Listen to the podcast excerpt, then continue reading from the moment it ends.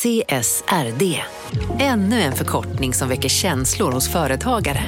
Men lugn, våra rådgivare här på PWC har koll på det som din verksamhet berörs av. Från hållbarhetslösningar och nya regelverk till affärsutveckling och ansvarsfulla AI-strategier. Välkommen till PWC.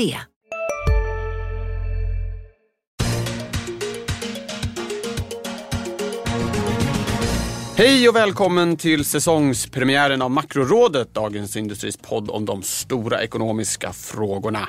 Jag heter Viktor Munkhammar. Med mig idag har jag Anna Breman, chefsekonom på Swedbank och Johan Javeus, analyschef på SEB. Välkomna ska ni vara. Tack så mycket. Första programmet, skönt att vara igång tycker jag. Ja. Vi har i vanlig ordning mycket att prata om. Eh, vi ska prata lite krona, inflationsförväntningar, vi ska prata lite Storbritannien och Brexit och det kommer spaningar. Och så mot slutet kommer det faktiskt ett nytt inslag. Men jag tänkte att vi skulle börja med eh, det som ändå har präglat finansmarknaderna länge, känns nästan lite uttjatat. Men eh, USA, den nya presidenten Donald Trump, marknadseffekterna. Vi har haft väldigt kraftiga uppgångar sedan det här valet. Men den senaste månaden har det lugnat ner sig lite grann. Och då första frågan, har, har det här Trump-rallyt som en del har kallat det nått vägs ände? Vill du börja Anna? Ja, och svaret är ju nej. Ja, bra, eh, tydliga besked. Jag tror att det här kommer kunna fortsätta men det kommer gå väldigt mycket upp och ner och vi vet ju att så fort det kommer en tweet som är lite oväntad och en hittar på någonting som marknaden inte vill så kan det gå åt andra hållet väldigt snabbt. Eh, men jag tror att förväntningarna nu kommer fortsatt vara på att det ändå blir en liten högre skjuts i amerikansk ekonomi. Skattelättnader, regelförenklingar, infrastruktursatsningar, han har ju också tagit den här negativa delen som marknaden inte riktigt har väntat sig med handelspolitiken eh, och utlovar protektionism, nya handelshinder och det är ju inte bra. Eh, det är inte bra för marknaden. Eh, men jag tror inte att marknaden kommer att räkna in det ordentligt förrän man ser de faktiskt konkreta åtgärderna. Förrän muren står än där? Än så länge är det hot. Ja, ja. Okej, okay. ja, Johan? Ja, det är ju för det första roligt att vi tycker lite olika då för en gångs skull. Eh, jag tror att eh, det är svårt att säga att det är slut nu naturligtvis, men man brukar ju säga att man har som nyvald politiker eller president eh, någonstans tre månader, hundra dagar på sig att få igenom en hel del av den politiken man, man avser att föra. Och där har han ju kommit igång bra. Så det är klart att vi kan säkert få en del ytterligare sådana här positiva marknadsreaktioner beroende på vad som kommer. Då, då. Men samtidigt så tycker jag att det, det är ändå lite symptomatiskt att nästan alla marknader som, som, som rallade väldigt mycket precis efter valet, de har sen någonstans en månad tillbaks eh, haft en mycket lugnare utveckling och ibland faktiskt också reverserats. Och tittar man även på förväntningsdata i olika barometrar, både för företag och hushåll, så ser man att de har gått upp enormt mycket och framförallt när det gäller framtidsförväntningar. Och det är svårt att tro att det inte kommer komma en hel del besvikelse på det här också. Ja. Saker och ting hinner inte förändras tillräckligt fort för att eh, uppfylla alla de här högt ställda förväntningarna. Ja. Då blir det också lite negativa reaktioner. Och jag skulle vilja säga för att förtydliga att jag tror ju att du kommer få besvikelser. Och jag tror att det kan komma väldigt snabbt när det går sen åt andra hållet. Eh, och det kan ju vara sådana saker som en tweet som ändrar hela riktningen på marknaden. Eh, men det kan också fortsätta, för ofta när det liksom, du har fått ett visst momentum, då fortsätter det längre än vad som är, vad som är rationellt.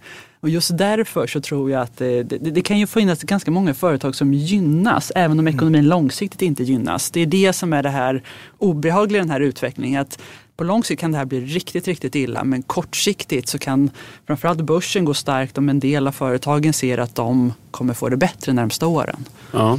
Sugar high har ju en del pratat om. Ja. Men, ja. Sen en annan fråga som egentligen kanske borde kommit först, men hur mycket Trump-rally har det här varit? För det har ju hänt samtidigt som vi har sett att konjunkturutsikterna, och inte bara i USA utan i andra delar av världen, har förbättrats eh, ordentligt också.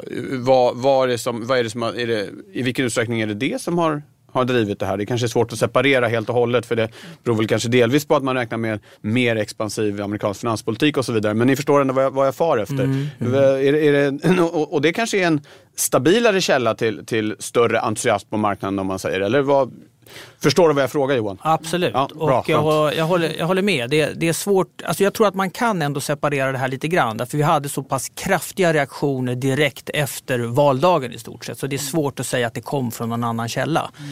Men sen så tror jag att vi kan ha, ha ett relativt bra år vad det gäller tillväxt och, och även, även börser av, av, andra skäl. Det är ju trots allt så att det finns andra saker i världen som är viktiga för, för aktiepriser och uh, räntor med mera än, än vad Donald Trump hittar på i USA. Så att eh, Trump-effekt kanske mindre och eh, snarare mer traditionella effekter som påverkar marknaden under, under resten av 17. Anna, hur ser du på de här två olika men, krafterna? Men det vi glömmer bort just nu i Europa eh, och där har vi haft positiva konjunktursignaler. Och Europa har ju, givet att man kommer från en lägre nivå, alltså det har varit trögt längre period, arbetslösheten är fortfarande hög, så kan ju det vara en mer positiv utveckling under en längre period. USA går in i det här liksom med en låg arbetslöshet, eh, andra spänningar i samhället, stor risk för någon form av boom and bust-cykel.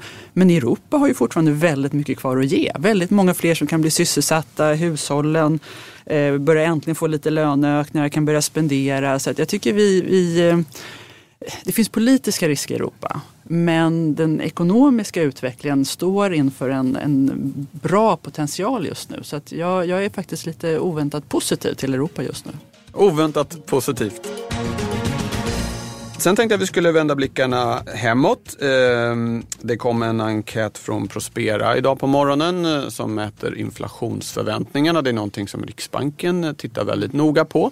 Ehm, och den visade att eh, inflationsförväntningarna fortsätter att stiga på fem år, nu på 2,0. Men också de tvååriga uppe på 1,9 nu.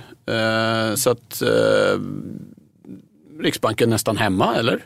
Vad, hur, hur, läste ni det här Anna? Riks, Riksbanken nästan hemma, det är lite roligt därför att den här siffran på 1,9 som var sista inflationsutfallet den var ju egentligen om man finräknar 1,93. Så det hade bara behövts 200 procentenheter ja. till så hade man faktiskt varit hemma. Ja, ja, ja.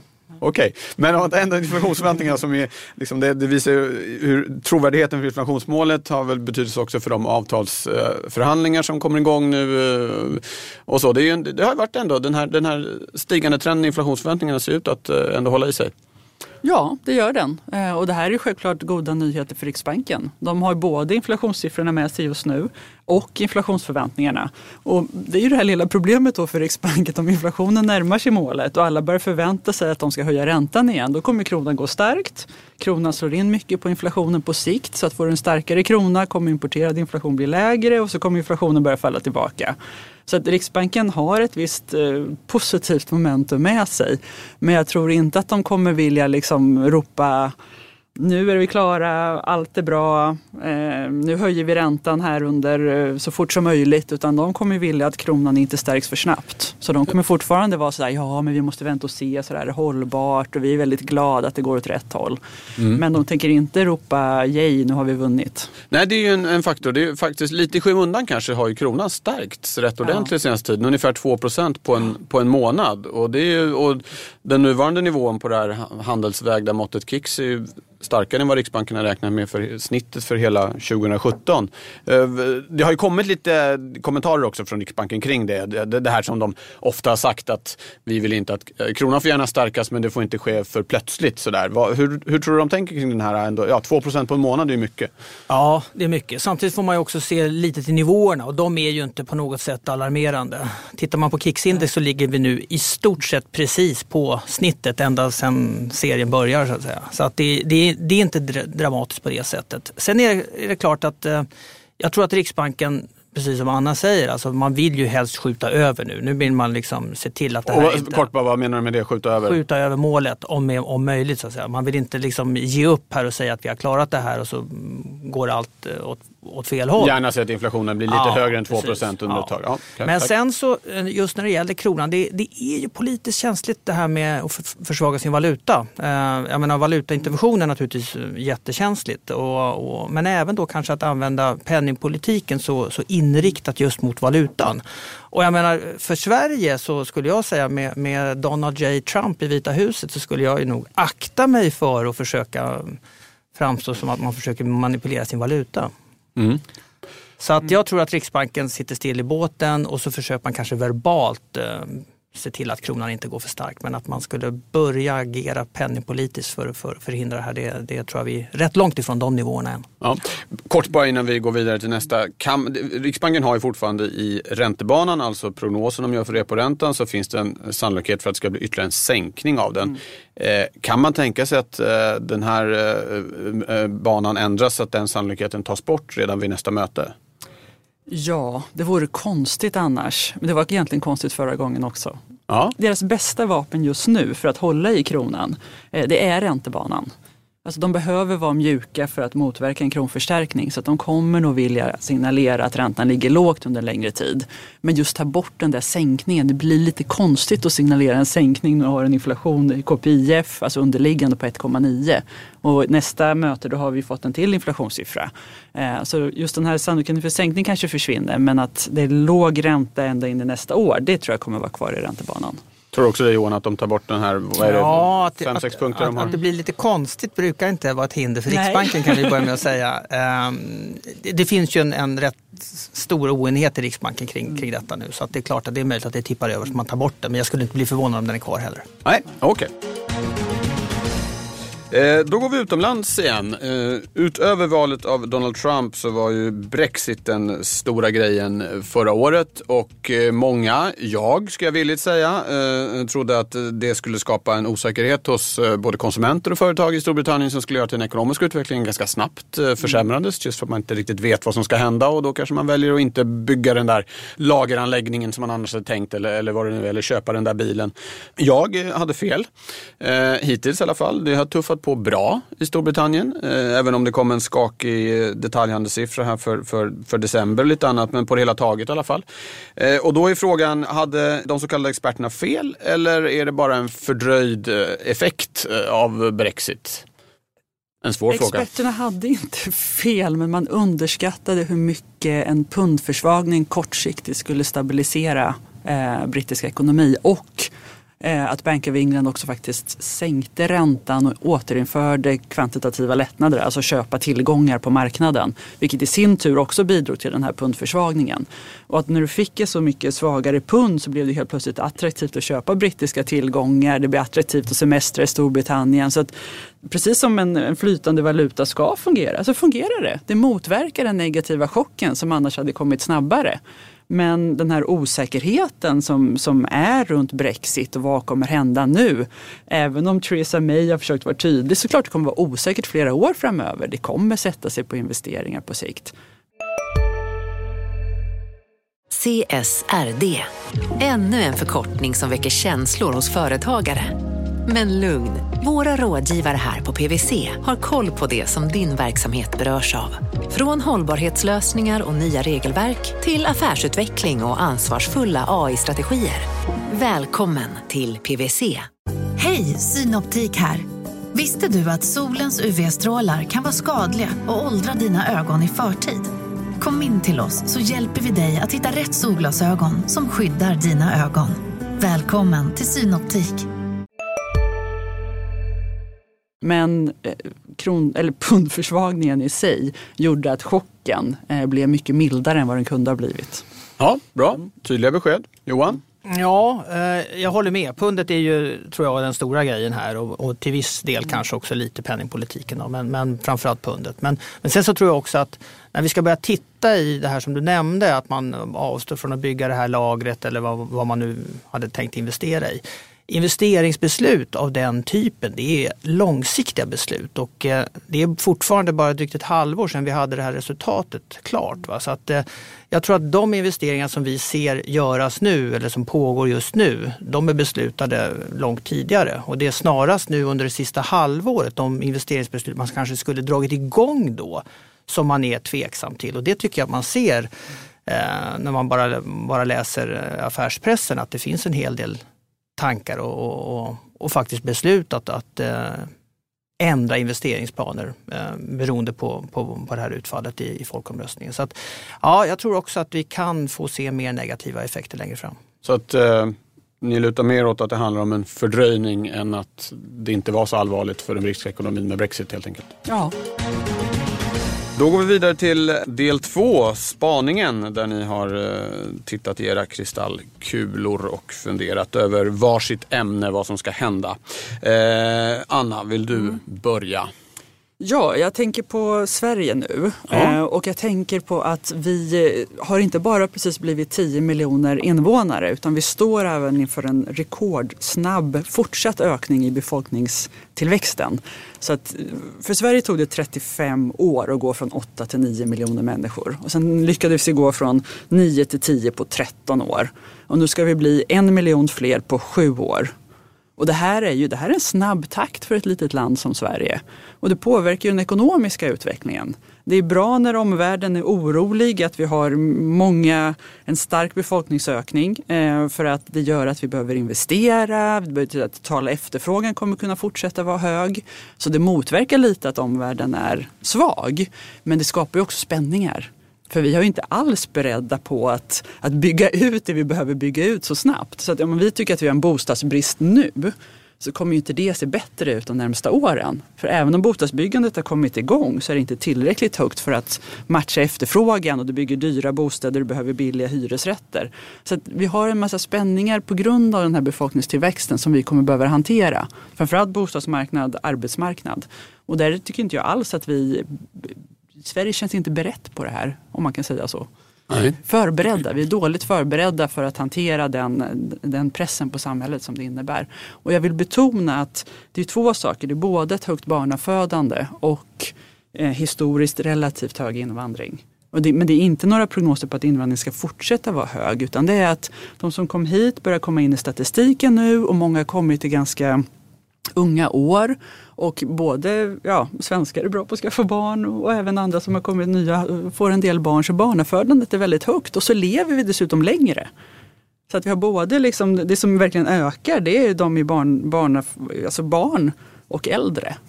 Eh, så att långsiktigt bra för Sverige med fler invånare med stor press på systemen den nästa tiden. Brist på sjuksköterskor, när lönebildningen inte hänger med, brist på lärare, eh, brist på byggarbetare när vi behöver bygga, brist på förskoleplatser och så vidare.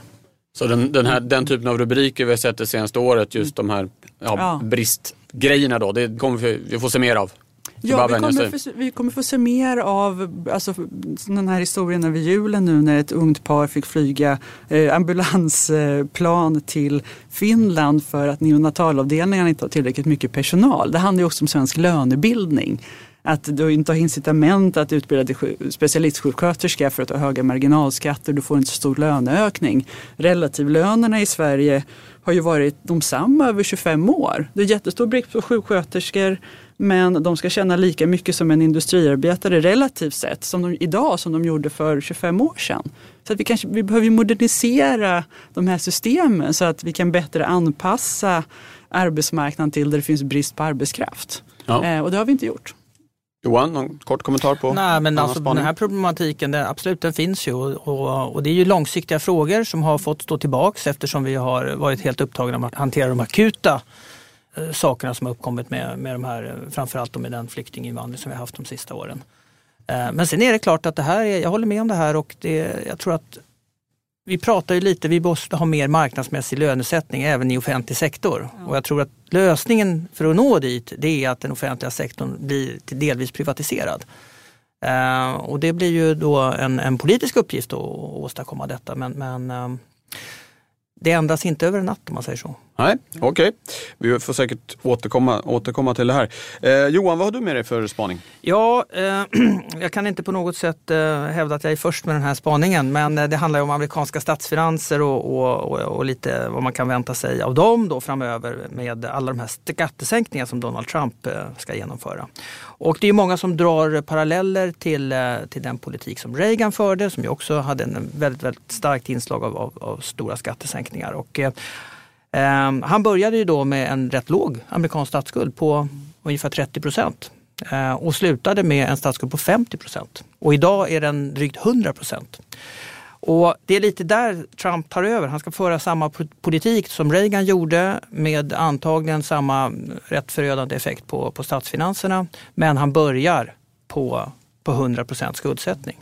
Och det här är någonting som, som folk naturligtvis är väldigt, väldigt oroliga för. Men det pratas, eh, det pratas mycket innan valet om det i den här skrämselpropagandan från demokrater. Men det pratas inte speciellt mycket om det nu längre.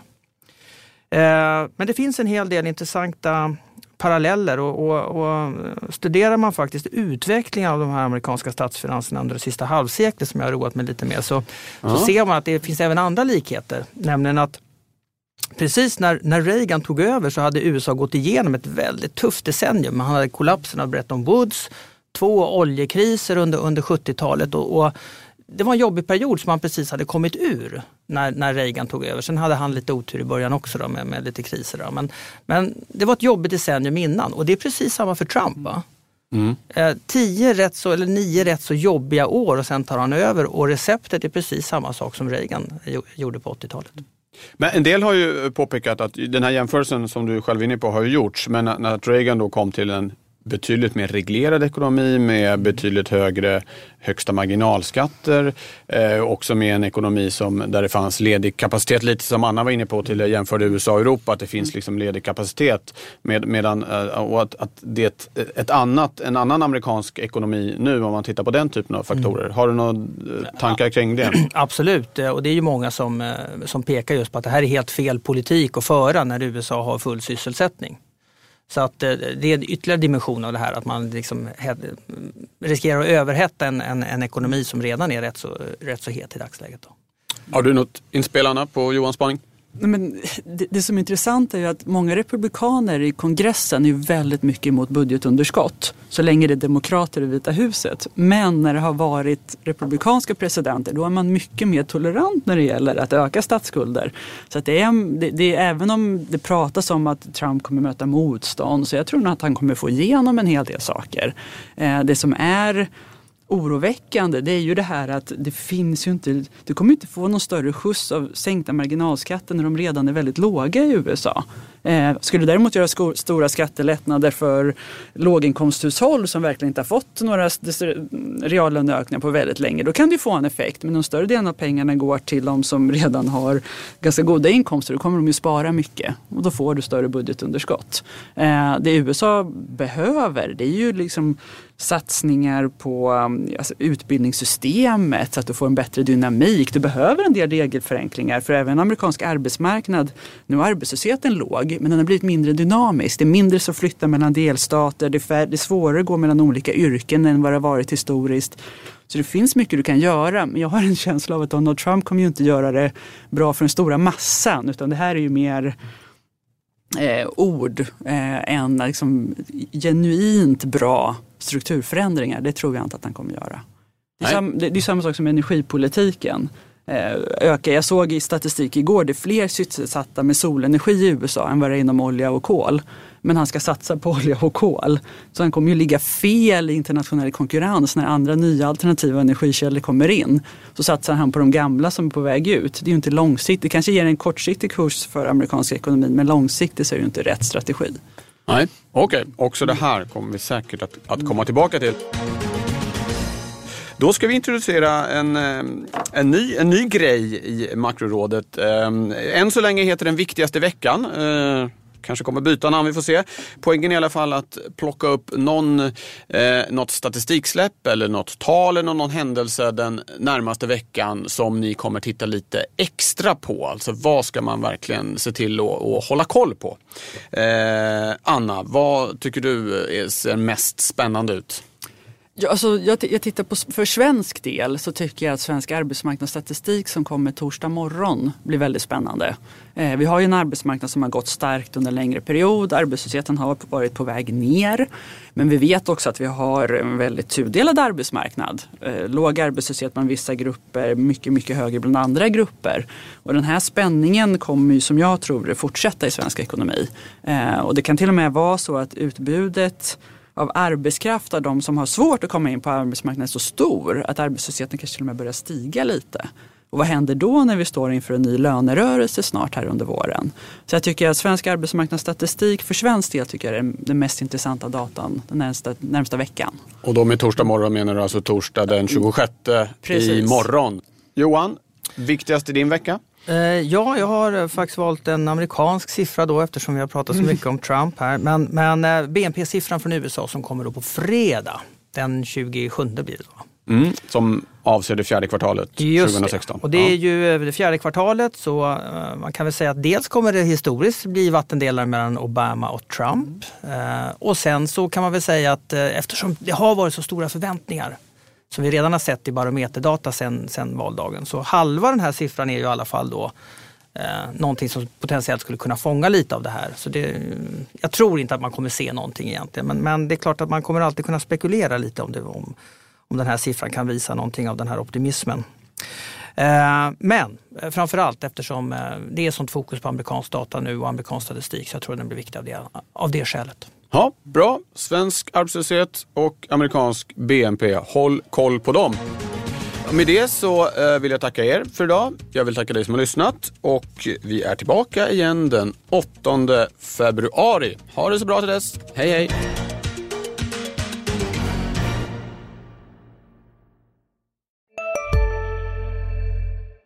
CSRD.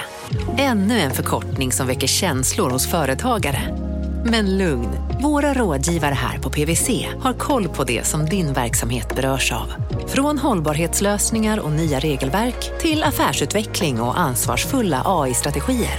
Välkommen till PWC. Välkommen till Telenor röstbrevlåda. Hej min fina fina mamma. Kan inte du snälla swisha mig för fika? Älskar dig, puss puss. För att repetera det. Hej min fina fina mamma. Spara samtalet när du förlorat den som ringde på telenor.se calls.